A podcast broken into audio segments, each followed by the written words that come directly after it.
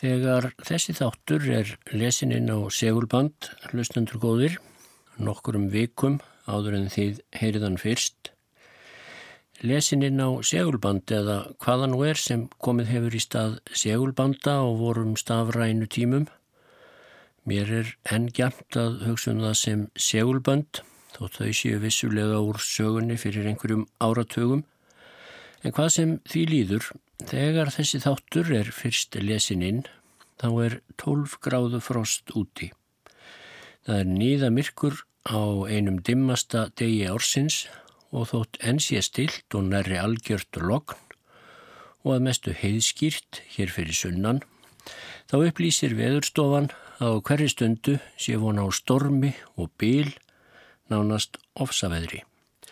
Og þegar bílurinn bætist ofan á 12 gráðu frostið þá verður deginum ljósara að ekki verður hundi út sigandi. Skelvingar veður sangkallað verður brostið á. Skelvingar.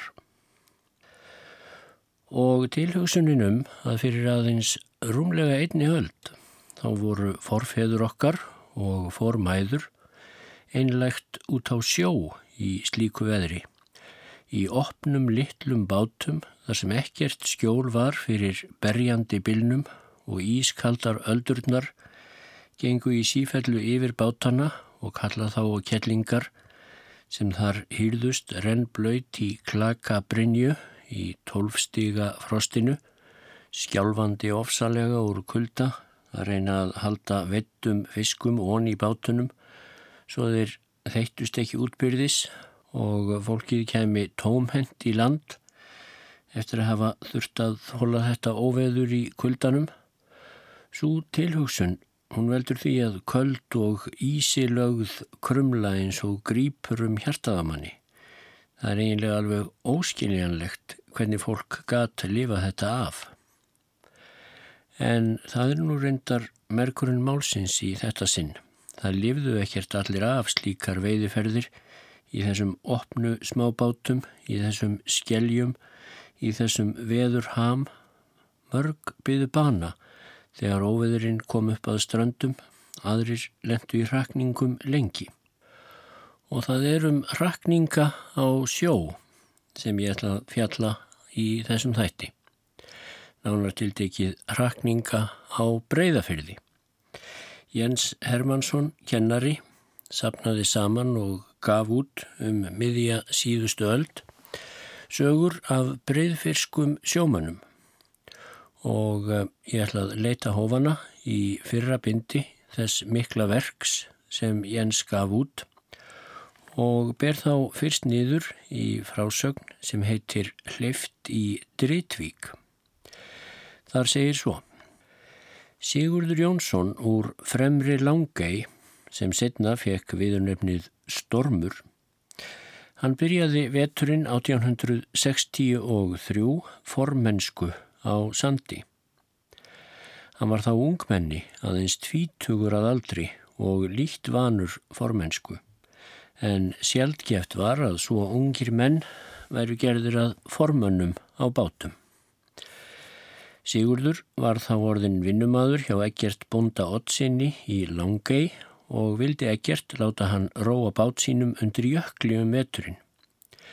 En með því að Sigurð skorti til þess æfingu réðist það að Jón Jónsson, formaður í Flatey, var fengin honum til aðstóðar og forráða.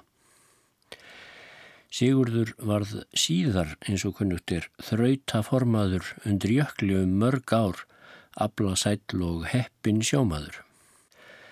Þann 5. mæ rýru öll skip undir jökli. Veður var að ganga niður eftir söðu vestanátt sem þá hafði ríkt um skeið Undir sjór var allmikill og kolga í lofti en helst til dimt til norðurfjallanna. Breyttist veður bráðlega þannig að áran norðan kvassviðri sem brátt jógst í afspyrnu rók með kavald spil og stórsjó. Hafðu sumir bátar lagt lóðir sínar þegar veðrið skall á en þeir sem síðar komu út á miðin sneru þegar aftur til lands. Sigurður og bátsverjar hans hafðu náð að leggja lóðir sínar en hlupu nú þegar í að draga og var það með hörku munum að lóðirnar náðust um borð. Dálitla seglfestu fenguður í bátinn og var nú tekið til segla.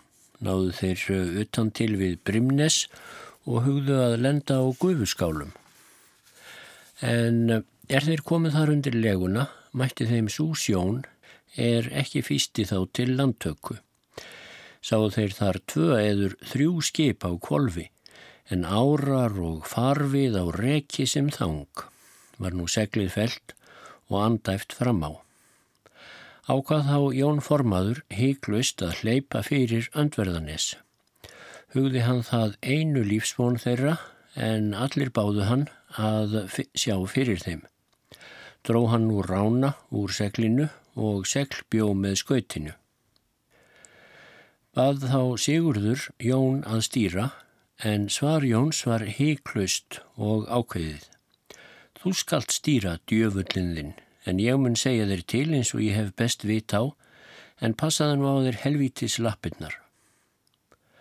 Svo saði Sigurður frá að mjög hefði sér þá kvartlað hugur í brjósti og vaksið í augum svo raun sem nú var í vendum. Ekki hvaðst hann þó hafa orðið hrættur en ónota títring hefði lagt fyrir hjartað þegar til segla var tekið. Jón Formaður helt dragreipi þannig að hann stóð tvo vegu yfir austurrúms þóftuna og brá dragreipinu undir þóftuna. Við þetta vannst það tvent að hann hafði bestu útsýn aftur og fram um bátinn, sá vel til aðkomandi sjóa og stjórn öll varð nákvæmari en ella.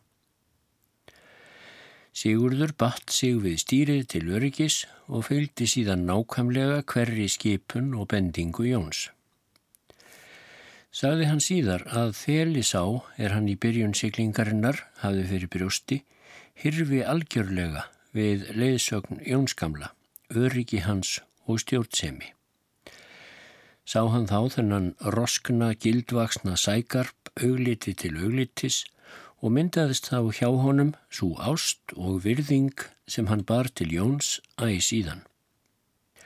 En ægilegar hvaðan hafa verið öldur þær sem eins og gínu yfir þeim unst þeir komu fyrir öndverðanes. Siglingin gekk ágætlega. Hún var að vísu þrekraun hinn mesta fyrir alla aðilja en öryggi kalsins gerði hinn deiga harðan og miðlungin að fullsterk. Þegar loks kom söður fyrir öndverðanessið, smækkuðu sjóarnir og siglingin varð auðveldari. Þá settist Jón formaður niður og brós lekum andlit hans. Hvað skildi hafa falist í því brosi? Var afreiksmaðurinn að hælast yfir unnum sigri á óveðrinu? Ég held ekki, skrifar Jens Hermansson. Jón formaður stærði sig aldrei af sjómennsku sinni. Ég hygga þetta brós hafi í senn verið sínilegt tákn þess barslega þakklætis sem hver trúaður sjómaður sendir almáttugum guði eftir lausnúr þvílikum háska en einnig uppörfun og þakklæti til hérna góðu ötulu samstarfsmanna sem stórirðin og hinnar kvössu fyrirskipanir hafðu skollið á eins og löðrungar ægis á kinnungum hins trösta fleis þegar mest gekk á. Suður með svörtuloftum og suður bervíkina var roflaust rók. Sjórin var kvarvetna eins og kvít gæra en þar var sjóleisan og skriðið með landinu. Þegar til Dritvíkur kom var undir sjórun okkur og ylgja í sjóin. Tók þá Jón formaður við stýrinu og stýrði því inn til lendingar Því dreitvíkur pollur er hættulegur öðrum en þeim sem kunna þar fullskil staðháttana. Aldrei hvaðst Sigurður hafa komist í slíka þrekraun sem þá að sitja við stýrið svona langan tíma í jafn ófæru veðri. Taldi hann það ganga kraftaverki næst að báturinn skildi fleitast með öllu heilu að landi. Þá rýri aðeins einn bátur í Dreitvík Formaður hans var Guðmundur í augri. mun hann hafa verið síðastur formaður í Drittvík. Vel var tekið á móti þeim félögum í Drittvík þegar þeir náðu loks í land og þóttust með þá úr helju heimt hafa. Munu örfá dæmi þess ef nokkur eru að jöklarar hafi þann veg leitað til lands. Var nú maður sendurinn á hellisand til þess að láta menn vita að þeir hefðu komist klakklaust í land. Dvöldu þeir svo í Dritvík uns ferðaveður gafst og lendu síðar á hellisandi heilu og höldnu. Þessi ferð til Dritvíkur mun hafa þótt næsta einstæð og var lengi í minnum höfð sem voldugt af regg í breyðfiskri sjómennsku. Um hinn snjalla stjórnara og ágæta formann sem mætti á bátsínum ofviðri og stórsjó Um hann má hafa umæli skáldsins um knapan, kórónu laus á hann ríki og álfur. Breiðfyrðingar gáfu Jóni viðurnefnið formaður. Er það tignar nafn sem manni í hans djett er veglegur bautastinn. Af Jóni er engin rakningasaga til sem því nafni getur heitið en svaðilfarir fór án þó margar. Hann var eitt þeirra manna sem ógjarnan hleypa sér út í ítleipur nema bráðu nöðsinn krefði en tók með óbugandi kjarki því sem að höndum bar, bjóð sig ávalt undir heið versta og valdi lið sitt sjálfur ef kostur var. Önnur frásögn Jens Hermanssonar um breyðfyrska sjómenn fjallar um bátinn Viking. Veturinn 1847 rýri Gísli Gunnarsson á Hellisandi. Hann var þá ekki nema 25 ára að aldri en orðin viðurkendur formaður og sjósóknari. Hann var þá í húsmennsku í fremri Langei en hafði gengið úr þjónustu Sturlaugs Einarssonar, fósturbróður síns og vinnar og hafði keift sér sjálfur skip til vetrarróðra, eða fríðasta far. Það var áttæringur smíðaður af Ólafi Bonda Teitsinni í sviðinnum sem var orðlagður skipasmiður. Þótti Ólafur bæði laga skip sín vel og vanda alla smíðu þeirra svo sem best mátti verða. Sagt er að Ólafur Teitsson hafi smíðað þetta skip handa sjálfum sér en síðan selt gíslaðað fyrir þrábeðinni hans. Er ógtalið að þetta hafi verið eitt með fyrstu skipum er Ólafur fargaði til annara en þau áttu eftir að verða mörg af misjafnur í stærð en öll hans skip þóttu tröst og lægin í sjó. Gísli gaf skipinu nafnið Vikingur og völdust til hans úrvalsmenn og mátti segja að hjá honum væri einvala lið. Þeir voru nýju á og voru þeir þessir Kristján, sonur Ylluga bonda í Krossnes í Eirarsveit og dagbjartar Þorsteinsdóttur, konu hans. Árni Ólafsson, bonda Bjarnarssonar á Haukabrekku, Guðbrandur, sonur Jóns Ólafssonar bonda í Kvallátrum og Steinunnar Guðbrandsdóttur, konu hans. Sveit, bróðir Guðbrands. Vigfús Bjarnarsson frá Búðum. Magnús húskarl frá Helgafelli, Magnús, sonur Guðmundar Jónssonar, sem eh, druknaði ofanum ís á Gilsfyrði, Ólafur Jónsson, bróðir Andrésar Klukkara á Ingjaldshóli, Þóruður Jónsson, húskarl frá Hóli. Þá var ekki annað skip betur mannað á Hellisandi en vikingur og eh, þeirra mestir fyrir sér af sjómanunum um borð voru þeir Guðbrandur og Vikfús. En þá rýri einnig á hellisandi Jóhann Ejjólfsson frá Svefnegjum sem nú var orðin bóndi í Flatei. Þorstein héttar og formaður Brandsson, hann átti Solveigu, sýstur Bjarnar Stúdents í Stikisólmi. Þorstein var talinn sjóliði góður en þó ekki aflasæl. Það var til á góðunni að Jóhann Ejjólfsson síktist svo að hann gæti ekki stundað sjó. Þá réðist það að hann fekk Guðbrand fyrir formann á skipi sínu og þótti skipverjum á vikingi ílt að missa hann úr hópnum.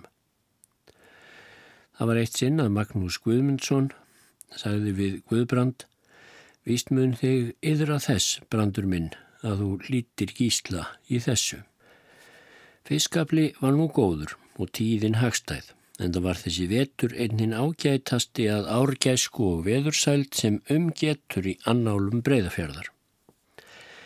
Leiði svo framundir Dimbilviku, tóku þá margir vermenn að búast til heimferðar því gamall síður var að halda páskaháttíðina heima yfir því við komið en það var það hinn eina upplifting manna á vertíðinni.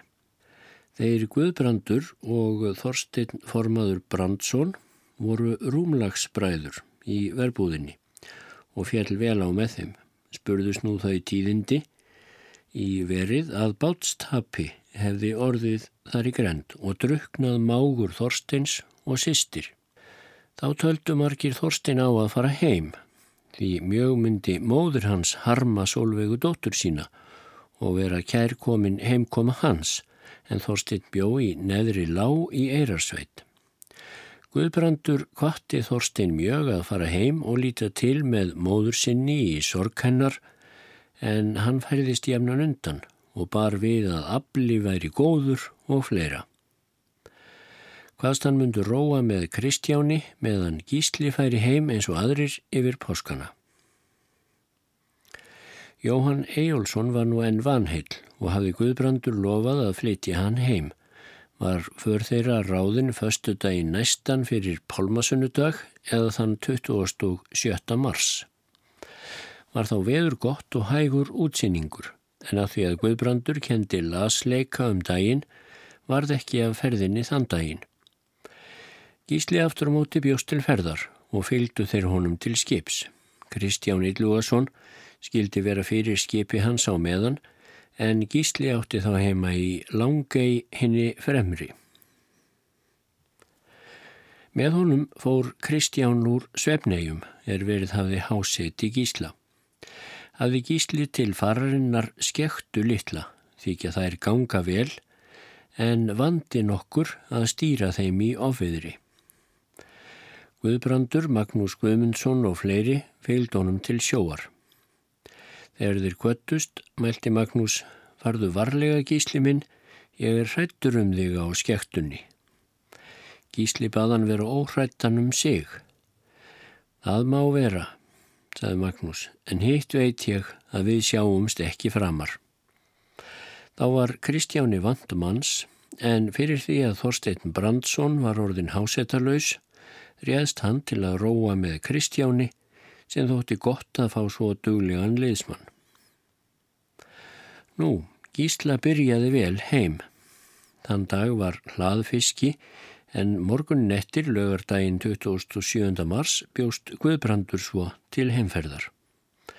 Var þá komin út norðan strekkingur og kastaði úr kafaldi. Fundust þeir bræður Guðbrandur og Sveitn. Þótti Guðbrandi Sveitn vera döfur í bræði og spyr hvað að honum gangi. Sveitn hvað það ekkert vera. Komdu heim með mér og mun móður okkar þykja vandum að fá okkur báða, segir Guðbrandur. Sveitn hvaðst þó hafa afráðið að fara ekki heim og hafi þegar skrifað móður sinni um það. Guðbrandur hvað það eigi þurfa fyrir að standa. Sveitn svaraði þá, við eigum líklega að skilja. Guðbrandur lagði því fastara að honum að koma með sér en í því kallaði Kristján á Svein. Ætlar þú að róa? spurði Guðbrandur. Já, svaraði Svein. Kvöttust þeir þá og furðaði Guðbrand mjög á því að hann fekk ekki Svein til að koma með sér heim. En síðan fór Guðbrandur á stað með Jóhann en það var næri miðjum degi að kvesti á út norðan og komst hann ekki lengra en í Akureyjar. Að morgni var stormhreinan liðin hjá og kom hann svo til flattegjar að liðinum tíðum en þá er að segja frá Kristjáni. Hann rýri eins og aðrir á laugardaginn því öll skip rýru þá og lagði hann þrjú köst. Báðu þeir Sveitn og Magnús að í land væri farið að svo búnu. Hvaðust þeir enga ró hafa á sjónum og þótti það því kynlegra sem þeir voru venjulega kvetjandi til þess að róa sem lengst og mest en Þorstein vildi leggja þriðjakastið og var það þá gert. Fengu þeir í því kasti mikinn abla og hlóðu mjög bátinn en í endaðandráttin var farið að kvessa allmikið af norðri. Var þá tekið til segla og gerðu svo flest þau skip sem í námunda voru. Formenn sem fyrir nálegum skipum voru þessir Þorvarður Jónsson í Skeggjabúðarhúsi, Ólafur Björnsson frá Haukabrekku og Gísli Gíslason í Legg, en svo hétt búð hans. Seildu þeir jafnframt Kristjáni og skreið skip Þorvarðar fram hjá honum. Skip Ólafs gekk minnst en Kristján og Gísli seildu samhliða svo að kasta hefði mátt millir skipana. Ströymröst líkur fram af Breimnesi sem kallaðir vestanvert við Hellisand. Áttu þeir yfir hana að sækja en austurfall var svo að stormur lág undir vind. Spurði Kristján þá hásetta hvort eh, þeim síndist ekki ráð að riðja áður en þeir kæmu í röstina. Var þá staðið í austri og Jós Vikfús. Fýstu sumir en aðri löttu að rutt væri þar að segja að aflanum væri kastað fyrir borð til að leta skipið. Sögðu nokkrir að nú vantaði úrskurð Gísla Gunnarssonar sem jafnan var hinn ötulasti og ákveðnasti formaður. Magnús bauð Vikfúsi að auðsa og þáði hann það. Þorstein helt í dragreipi en Kristján stýrði. Var Þorstein þó talin betri stjórnari en Kristján betri dragreipismadur. Þá reys öldur íð austur af þeim. Á ég ekki að snúa upp í ölduna, steini, spurði Kristján.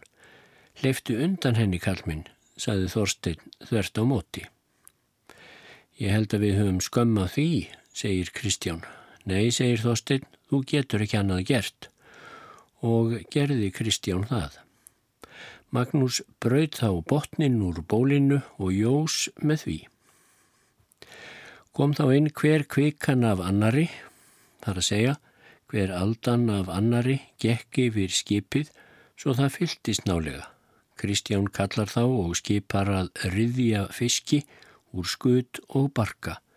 Vigfús og Sveitn voru frammi og ruttu þeir sem skjóttast.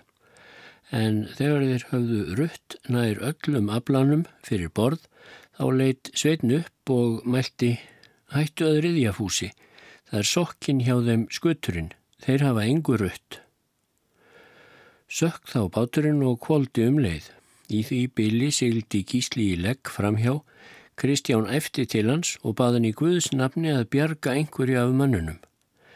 En gísli sigildi áfram sem áður og svaraði engu. Kristján greip þá stýrið og ætlaði að fleita sér á því og einnig náði hann í ár sem var á floti í sjónum. Árni náði tveimur árum og flöyt á þeim. Þá komist hínir á kjölinn nema Ólafur. Þorstein hjekk á baki viðhúsar og komst hann þannig meðan á kjölinn. Töluðist þeir þá við og mælti sveitn hrættur en nú gísli að hann skul ekki reyna að bjarga okkur. Þeir koma máski hínir, svaraði viðhús. Hvorugur Magnúsanna sem um borð höfðu verið sáust þá og voru bersýnilega soknir. Vikfús bað Þorstein að sleppa sér og halda sér í kjölinn og gerði hann það. Tók nú skipið enn veldu og komist á engir nema Þorður og Vikfús á kjölu upp en þeir Þorstein og Sveitn sáust ekki framar. Þá er skip Þorvarðar var komið að landi, sá hann til ófara þeirra Kristjáns hafði hann að hásettum unga menn og röska. Af þeim kvatti mest til að gerðir þið tilraun til að bjarga áhefninni og vikingi Hákon okkur Jónsson. En let Þorvarður að lokum riðja skip sitt og síðan var róið sem ákavast á slistæðin. Náðu þeir fyrst Kristjáni en því næst Árna. hjekk Ólafur neðan í fæti hans nær örendur og hafði tekið þar dauðataki sem kallað var. Ólafur andaðist þegar í land var komið. Það er frá Ólafi Formanni að segja, er á eftir var að brotnað hafði siglu á sinn hjá honum og tafði það hann mjög. En þegar hann kom að vikingi þar sem hann maraði í hálfu kafi þá voru enn fjórir menn á kjölnum. Ólafur vildi fyrir hvern mun reyna að bjarga þeim. Skipaði hann all skjótlega fyrir en honum var svo farið að hann var málhaltur mjög. Þannig að hann stamaði og mest þegar honum var mest niðri fyrir svo að hásettar hans skildan ekki voru og sumir þeirra hrættir. Því varð allt um seinan þegar grípa átti til aðgerða en skipið var á sífældum veldum og týndust þeir Þorstein og Sveinn meðan þessu fór fram en um síðir náði Ólafur þeim Vigfúsi og Þorði. Allir voru mennirnir mjög þrekkaðir sem náðust en batnaði þó fljótt. Þorstein var kventur fyrir ári síðan og leti eftir sig eina dóttur. Ólafur átti Bersabe Finnsdóttur þeirra sonur var Sigurður sem setna fluttist til Flategar og gerðist formaður. Sveitn sem druknaði þarna hafði þá tvo um tvítugt. Hann var hinn efnilegasti maður, námgjarn og ötull til allara starfa. Sveitn var mjög harmdauði frendum sínum og vinnum. Vikingi skipi gísla var bjargað óskemdu en ætla má að gísli hafi ekki felt sama hug til vikings eftir þetta því að árið síðar seldi hann skipið og væri það nú meira en hundrað árum síðar glimt með öllu ef svo hefði ekki viljað til að sex árum síðar fórst það með fjórum mönnum. Eru þau atvik til þessa atburðar Formaðurinn, eigandi skipsins, héti Jón, sáður són Jóhans húsmanns í rifgirðingum, en flestir töldanraunar vera són svarts hreppstjóra frá Arnarbæli. Það var maður sem druknað hafði nokkru fyrr. Jón formaður var kventur fyrir tveimur vetrum, konu þeirri er Holmfríður hétt Pálsdóttir. Jón var ötull maður og framsækin, hafði hann áður róið hjá Árna Jespersen í Brennu en Viking hafði hann keift fyrir tveimur árum af Kristjáni Ólafsinni og Jón hafði nú róið Vikingi tvo vetur en fengið í orðikveðinu mann fyrir sig, Jón Forman Björnsson. Jón var nú að flytja sig undir jökul til að búast til vertíðarróðra en kom frá Fagurei. Sigildu þeir sunnan leiði út með ströndinni og byrjaði þeim vel fyrir grundarfjörð en þegar þeir sigildu fyrir framann Lárós var búndis á höfða sem Sigurður hétt Pálsson og var hann að moka frá fjárhústýrum sínum. Sá hann á til skipsins þar sem það sigildi en svo að það kvarf allt í einu. Ætla mennaði í baksegl slægi við að bylja veður var á og sviftibiljir ofan af stöðinni á Snæfellsnissi. Týndust þar allir þeir sem um borð voru, en skipið rak óbrotið vestur í Haga og Barðaströnd. Þau jörðu afdrif vikings að hann var högvin upp og brendur, en það þótti hann óhappa skip þegar þarna var komið sögu. Og að síðustu Í sögunni hér á undan var þess getið í sambandi við Þorstein Brandsson að bátstapi hefi orðið og farist þar sýstir hans og mágur. Sáatburður varð með eftirfarandi hætti. Erlendur hétt maður Bjarnason sem flust hafði úr Reykjavík til Stikisholms. Hann var smiður góður og setti stað í Stikishólmi og lifði af yðinsinni. Hann hafi tekið sér ættarnafnið Jensen og gekk undir því í daglegu tali. Og maður var nefndur Bjarni, student Bjarnason. Hann var kvæntur Solveigu, sístur Þorsteins Brandssonar frá neðri lág í Eirarsveit sem áður var nefndur. Þessir menn höfðu sammælst um að fara skemmtiferð undir jökul og fengjum með sér tvo menn í viðbót, Sigurd Þorbjörnsson frá Þaranissi, bróður Ólafs Formans í Flati og Einar Pétursson í Höskvöldsei, kona hans var Guðni Pálsdóttir frá Fagurei.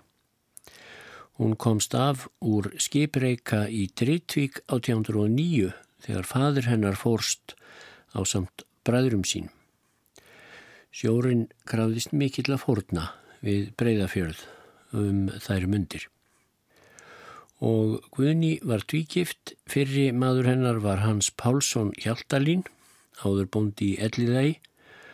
Allir þessir menn, nema Sigurður, hafðu konur sínar með sér í þessa myndu skemmtiferð svo að sjömanns voru á bátnum. Einar Pétursson var formaður. Lagt var af stað úr Stikishólmi 20. mars. Kvesti nokkuð eftir að komið var af stað og lág vindur ofan af sveitinni, það er oft byljótt með landinu, engum eftir að komið er út fyrir Bjarnarhafnarfjall og úr því er þá sigling varasum nema fullrar varúðar sé gætt.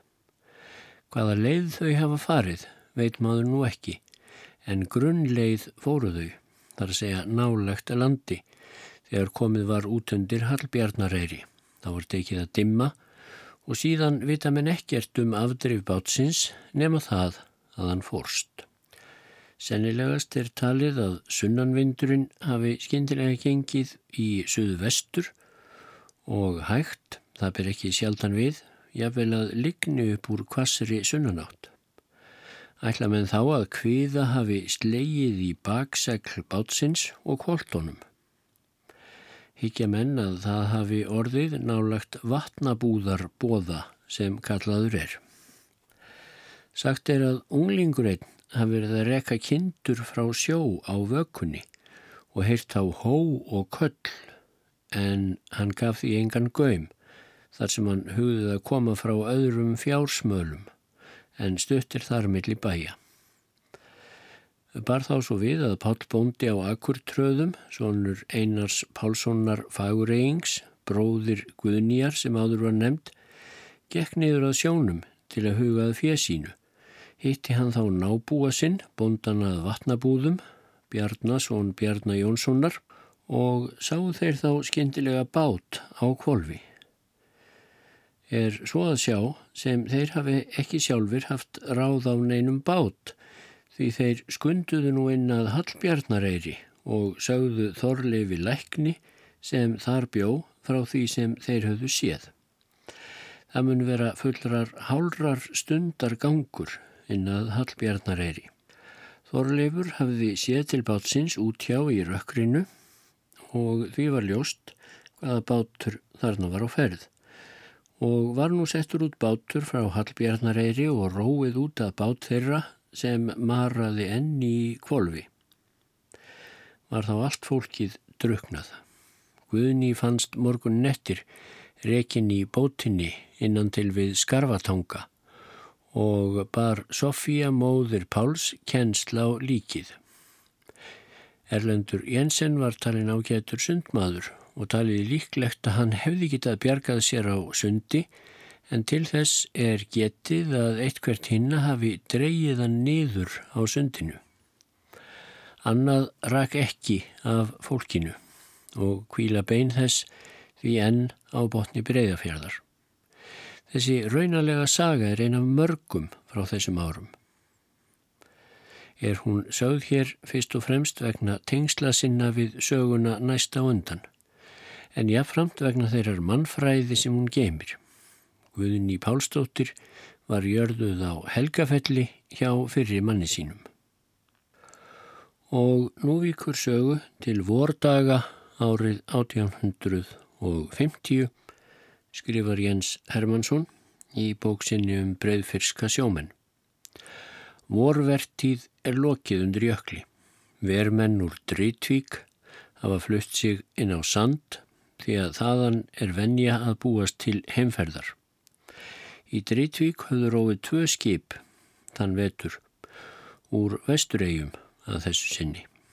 Hinn fjarlæga verstuð var nú ekki lengur eins þétt setin og fyrrum. Aflinn hafði verið lítill þennan vettur frá einu til þryggja hundraða á hlut. Svo hafði nú verið nokkur undanfarin ár og menn höfðu þá trú að fiskur væri að færa sig frá dreytvíkur miðunum. En aftur á móti hafði afli verið góður á hellisandi og öðrum verstöðum þar norðan til á Snæfellsnesi. Slíkt eh, dró hugimanna frá Drittvík svo að róðurar þaðan tóku að strjálast.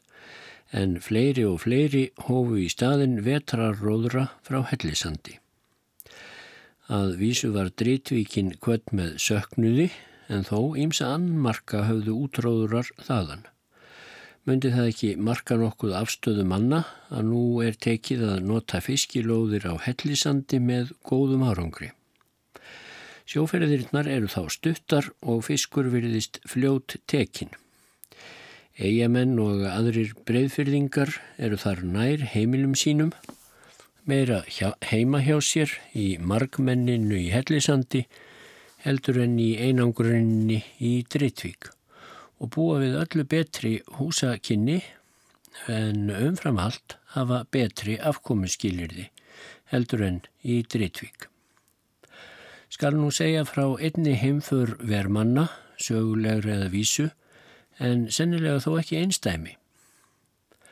Drítvíkur sjómenn hafa selflutt ablasinn og annur föngin á hellisand. Veðrátta hefur þá snúist á mótiðim. Gengið hefur þrálátt norðanátt í fulla viku og menn eru ornir þreyttir á byðinni og vilja komast heim til sín með ablan. Jóhannes Magnússon úr Bjarnegjum var annar formannanna sem kom úr Drítvík. Einn af hásettum hans var Kristján Ólafsson Þorbjörnssonar úr Flatei. Hann var vinnumadur Sturlaugs hins ríka Einarssonar í Rauðsegjum og átti nú að skilja við Jóhannes en taka skip á sandi á samt farangri sínum og annara og flytja inn í eigarnar. Flutning hafði hann mikinn og var svo um fleiri formenn sem byðu óþreyju fullir eftir góðu veðri til ferðarinnar og loks kom tækifærið. Norðanáttina hafði þá lægt og snúist í vestan eða norðvestanátt. Ef veður heldist nú skaplegt að morgni þá var hagstætt veður til að sigla út í eigarnar norðan til í breyðafyrðinum. Morgunin eftir var norðvestan gúlpur sem vel gatt haldist en það ekki kvass en sjór hafði aukist nokkuð hins vegar. Fjara var um morguninn og sæmilega umfarandi vegna bríms. Var nú rokið til að setja skipin til sjóar.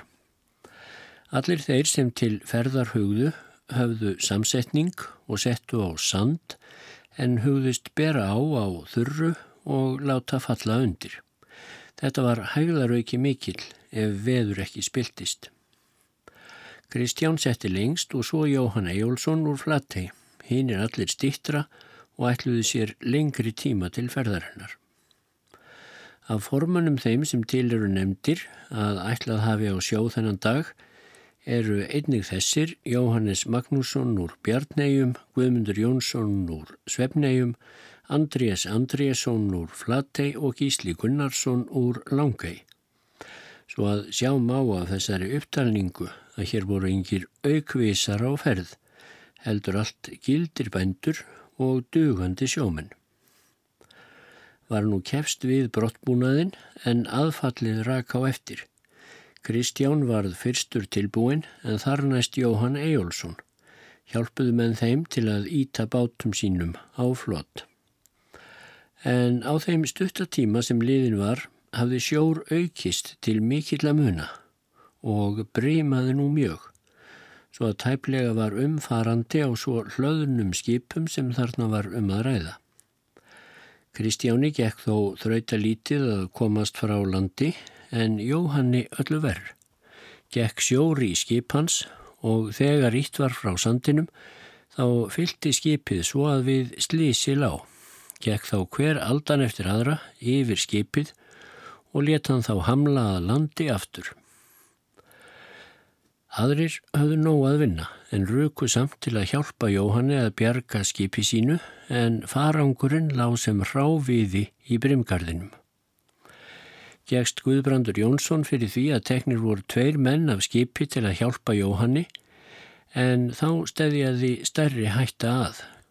Kristján Ólafsson var nú komin fram úr brimgarðinum og fram á leguna en þá sökk skip hans allt í einu og kvóldi úr sér. Tveir menn komist á kjölinn. Nú var það að hafa hraðan á. Bátur var strax tekin úr nösti og settur til sjávar og voru næri þrjáttíu menn að þeim starfa og Guðbrandur úr svefnegjum stýrði verkum þeirra. En þegar ítaskildi út veigruðu menn sér við að leggja út í breymið, svo var það þá orðið ægilegt og stóðu nú Guðbrandur þarna við bátinn við annan mann. Hinnir höfðu allir horfið burt til annara starfa. Bar þá að Gísla Gunnarsson og hétt á menn til liðveistlu og gáfu sig þá fram nokkrir menn og gáttu þeir þá komist út í brimið undir leðsögn hans. En nú var skip Kristjáns eins og er borið inn á tangana austur af úrsteinum og veldist þar um í briminu. Samt tókst Björguninn svo giftu samlega að þeir gáttu náð Kristjáni og fjórum öðrum lifandi af áhefninni. Og þetta skip var korki meirinni minna en vikingur sá sem sagt hafi verið frá hér á undan. En meðan þetta gerðist hafðu menn kefst við að bera af skipum þeim sem á sandinum voru því allir voru hættir við að reyna að komast út í breymið. Svo var það mikið og sjór fallin nærri að ekki þóttu neinn tiltök að bjarga skipunum undan sjó. Var því tekið til þess ráðs að rinda þeim á flott og færa þau út í Krossvík þar sem kyrrari sjór var, var það svo gert. Eftir allt þetta erfiði voru menn bæði þreyttir og þjakaðir en þó beðir að enn eitt drengskapar verkið. En það var að bjarga skipi Kristjáns sem nú var nær að landi komið tókst það með miklu harðfylgi en þá var skipið orðið tölvert brotið. Mest af farangreinum af þessu skipi raku upp en all mikið skemmt var það. Í þessari sögu er þér síntinn í þá veröld breyðfyrskra vermanna sem segja má að væri þeirra daglega andrumsloft. Hér var skóli fyrir unglingana sem myndu taka við í sjómennskunni. Hér kendi drengskapurinn innum dega. Hér ógs mandómurinn ekki aðeins við sögusagnir mæðranna þegar stíð var við stokkin. Hér var komið út í sjálft stríðið og háskan. Hér voru hinnir miklu sækarpar, sjálfur kennararnir og hér voru tekin hinn veigamestu próf í karlmennsku og þólgæði.